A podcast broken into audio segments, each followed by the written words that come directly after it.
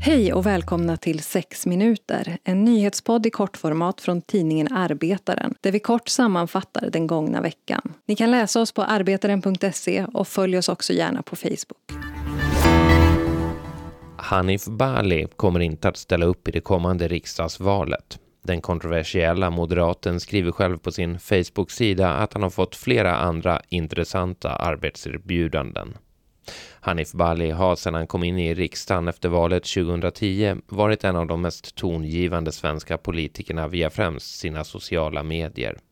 Han har också hamnat i hetluften och fråntagits flera uppdrag i partiet. Han har även kritiserats hårt från flera håll efter sina många hårda utspel om bland annat flyktingpolitik och ensamkommande ungdomar och har anklagats för bland annat rasism. Hanif Bali är också enligt många bedömare en av personerna bakom Moderaternas kraftiga högersväng de senaste åren där partiet nu står allt närmare Sverigedemokraterna. Han har genom åren också samlat på sig en stor skara anhängare men också varit avskydd i många politiska läger.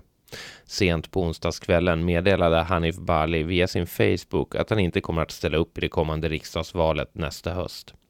Sedan jag började tvivla på om jag vill kandidera har flera andra intressanta och spännande arbetserbjudanden och samarbeten presenterats för mig, skriver han. Samtidigt skriver han också att beslutet ger en möjlighet att utan riksdagsuppdragets bojor kunna opinionsbilda fritt. 36 personer åtalades i torsdags för våldsamheter i samband med en Black Lives Matter-demonstration i Göteborg förra året. Brottsmisstankarna gäller bland annat skadegörelse och våldsamt upplopp. Händelserna utspelade sig i början av juni förra året då omkring 2000 personer hade samlats för en antirasistisk Black Lives Matter-demonstration på Heden i centrala Göteborg. Efter att demonstrationen upplösts av polisen ska delar av demonstranterna fortsatt att protestera och bråk uppstod. Våldet ska huvudsakligen bestått i att deltagare i folksamlingen sparkat, slagit och kastat stenar och andra föremål mot polisen och deras fordon, säger kammaråklagare Elisabeth Trové i ett pressmeddelande.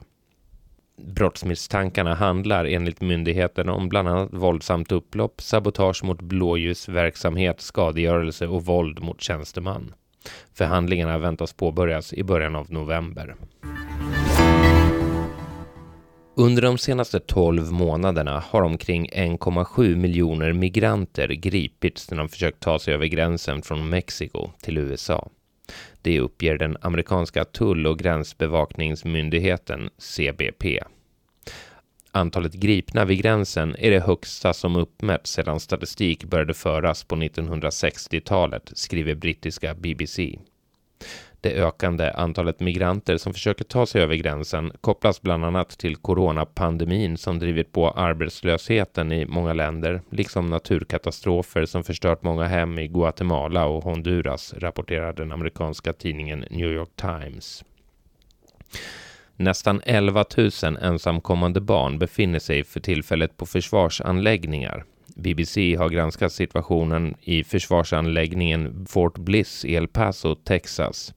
Därifrån har de fått vittnesmål om hunger, sexuella övergrepp och covidutbrott. Situationen vid gränsen till Mexiko har satt hård press på president Joe Biden som utlovat en mer human migrationspolitik.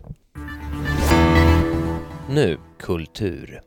Artisten, poeten och anarkisten Mattias Alkberg tilldelades nämligen i veckan årets Taube-stipendium av tidningen Vi det prestigefyllda stipendiet där Evert Taube själv deltog i instiftandet har delats ut sedan 1960.